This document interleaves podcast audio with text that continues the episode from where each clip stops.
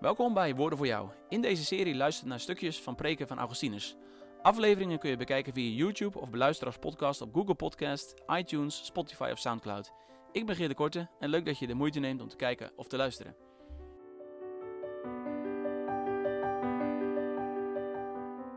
De komende afleveringen hoop ik weer stil te staan bij een aantal stukken van een preek van Augustinus.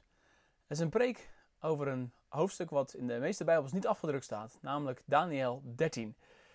Het is een stuk uit uh, wat in de protestantse kringen de apocryfe boeken genoemd wordt.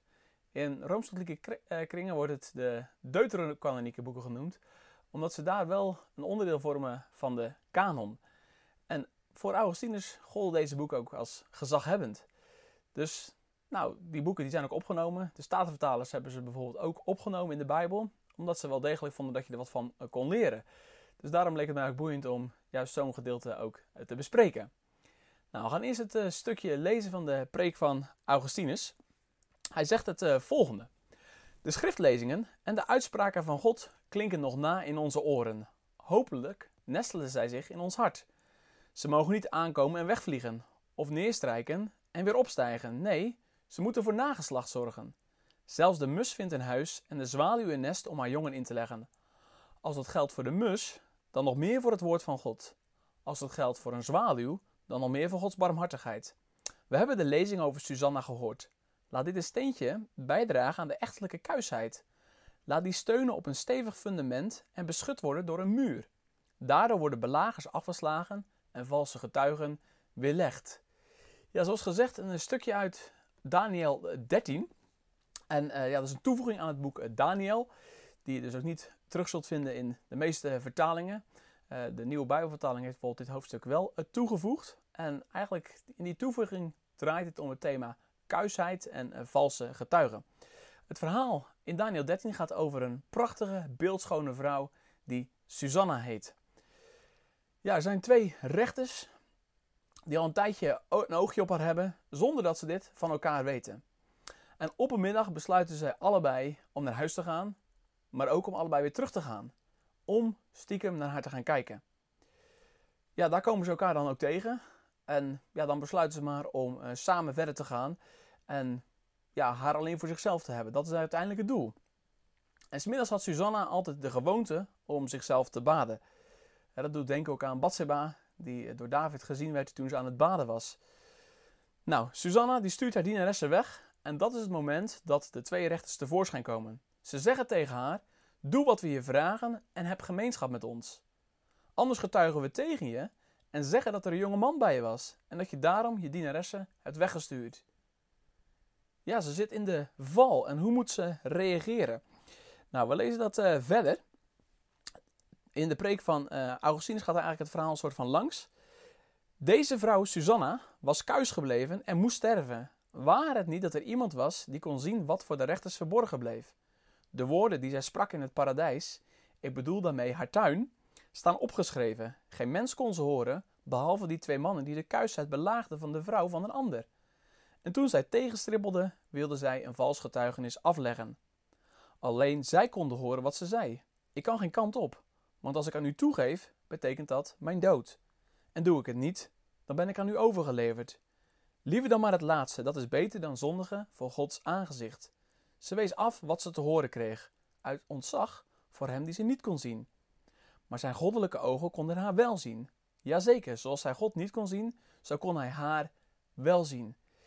Ja, die rechters die zetten haar eh, stevig onder druk en ze zetten haar een soort van klem. Want ja, of ze moet gemeenschap hebben met uh, deze twee mannen, of uh, ze zullen haar aanklagen en dan zal ze ook ter dood gebracht worden. En ja, allebei wil ze niet.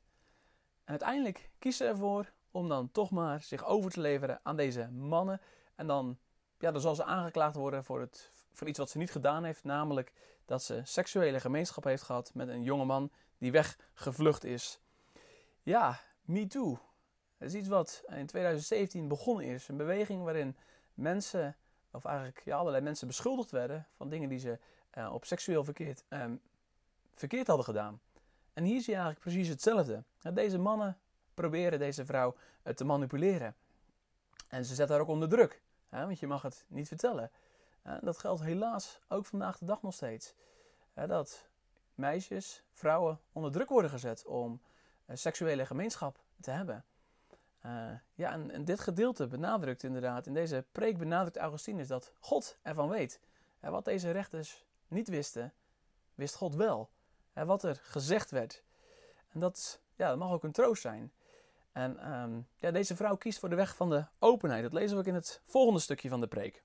God zag wat hij gebouwd had. Hij bezag zijn bouwwerk. Hij bewoonde zijn tempel. Hij was daar. Hij was het die de belagers antwoord gaf. Want als de gever van de kuisheid haar in de steek had gelaten, zou ze haar kuisheid verloren hebben.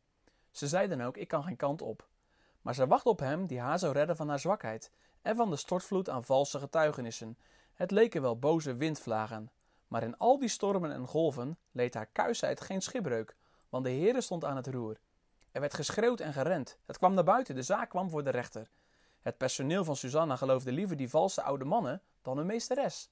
Haar leven tot dan toe was rein en ongeschonden. Het leek een perfect getuigenis voor haar kuisheid.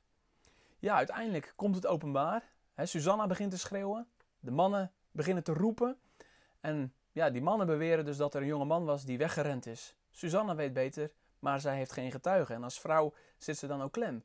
He, zoals heel vaak met misbruik inderdaad vrouwen klem zitten. Ze kunnen geen kant op.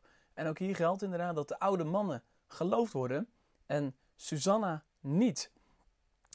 Ja, seksueel misbruik of pogingen daartoe, want daar gaat het hier om, hè, moeten altijd in de openbaarheid komen. Ook al word je misschien niet direct geloofd eh, of helemaal niet geloofd. En dan krijgt het verhaal een onverwachte wending. We lezen verder in de preek van Augustinus. En toch, haar personeel dacht, het dacht dat het onerbiedig was die ouderen niet te geloven. Nog nooit waren er zulke praatjes geweest over Susanna. Het waren dus valse getuigen, maar God wist dat. Haar dienaren geloofden het ene, de Heere zag het andere. Maar wat de Heere zag, wisten die mensen niet. De ouderen leken geloofwaardig. Daarom moest zij sterven. Zelfs als haar lichaam inderdaad was gestorven, was dat de kroon op haar kuisheid geweest. Maar de Heere stond haar bij en verhoorde haar gebed. Hij kende haar toch? Hij gaf niet prijs aan de dood wie hij had behoed voor de echtbreuk. De Heere wekte de Heilige Geest op in Daniel, nog jong van jaren, maar moedig als een man. Hij had een profetische geest. Daardoor doorzag hij meteen het bedrog van die vreselijke oude mannen. Maar hij moest goed uitkijken hoe hij het anderen duidelijk zou maken wat hij zag. Ja, nu begrijp je ook waarom het toegevoegd is aan het boek Daniel. Want hier komt dus de jonge Daniel in beeld. Uh, hij doorziet het bedrog. Hij probeert het te ontmaskeren. Maar ja, hoe moet hij dat dan doen? Dat lezen we in het vervolg van de preek. Hij zei, dus Daniel zei, ze hebben haar vals beschuldigd. Ga terug naar de vergaderplaats. Ja, dat ze leugenaars waren, wist hij. Dat had de profetische geest hem onthuld. Wie dat niet wist, moest nu op de hoogte worden gebracht. En wilde je de rechters op de hoogte brengen, dan moet je natuurlijk de getuigen weerleggen. Daarom legde hij de nadruk op hun valsheid die hij al kende. Hij beval ze van elkaar te scheiden en ondervroeg ze afzonderlijk. Ze konden namelijk wel dezelfde lust bezitten, maar niet hetzelfde plan bedenken. Aan de een vroeg hij onder welke boom hij de echtbrekers had betrapt. Die antwoordde onder een mastiekboom. De ander werd ondervraagd. Die zei onder een eik. De tegenstrijdigheid van de getuigenissen legde de waarheid bloot en redde haar kuisheid. Ja, op deze manier toont Daniel aan dat de rechters gelogen hebben, dat ze het verzonnen hebben. Want ze geven allebei een ander antwoord op de vraag waar het precies uh, gebeurd is. En ja, op deze manier wordt de kuisheid van deze vrouw gered. En de waarheid komt ook openbaar.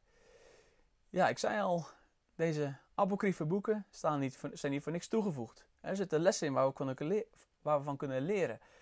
En ik denk dat we hier twee lessen uit kunnen leren. Als eerste dat de waarheid altijd openbaar komt. dat zien we ook hier in dit verhaal. En ja, het tweede, de les van MeToo. Als er sprake is van misbruik, dan moet dat altijd openbaar komen.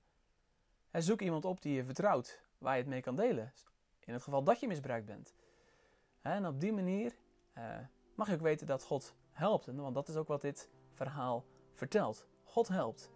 Ook in dit soort situaties. Nou, tot zover het eerste gedeelte van de preek van Augustinus. Volgende keer hopen we het uh, vervolg te gaan beluisteren.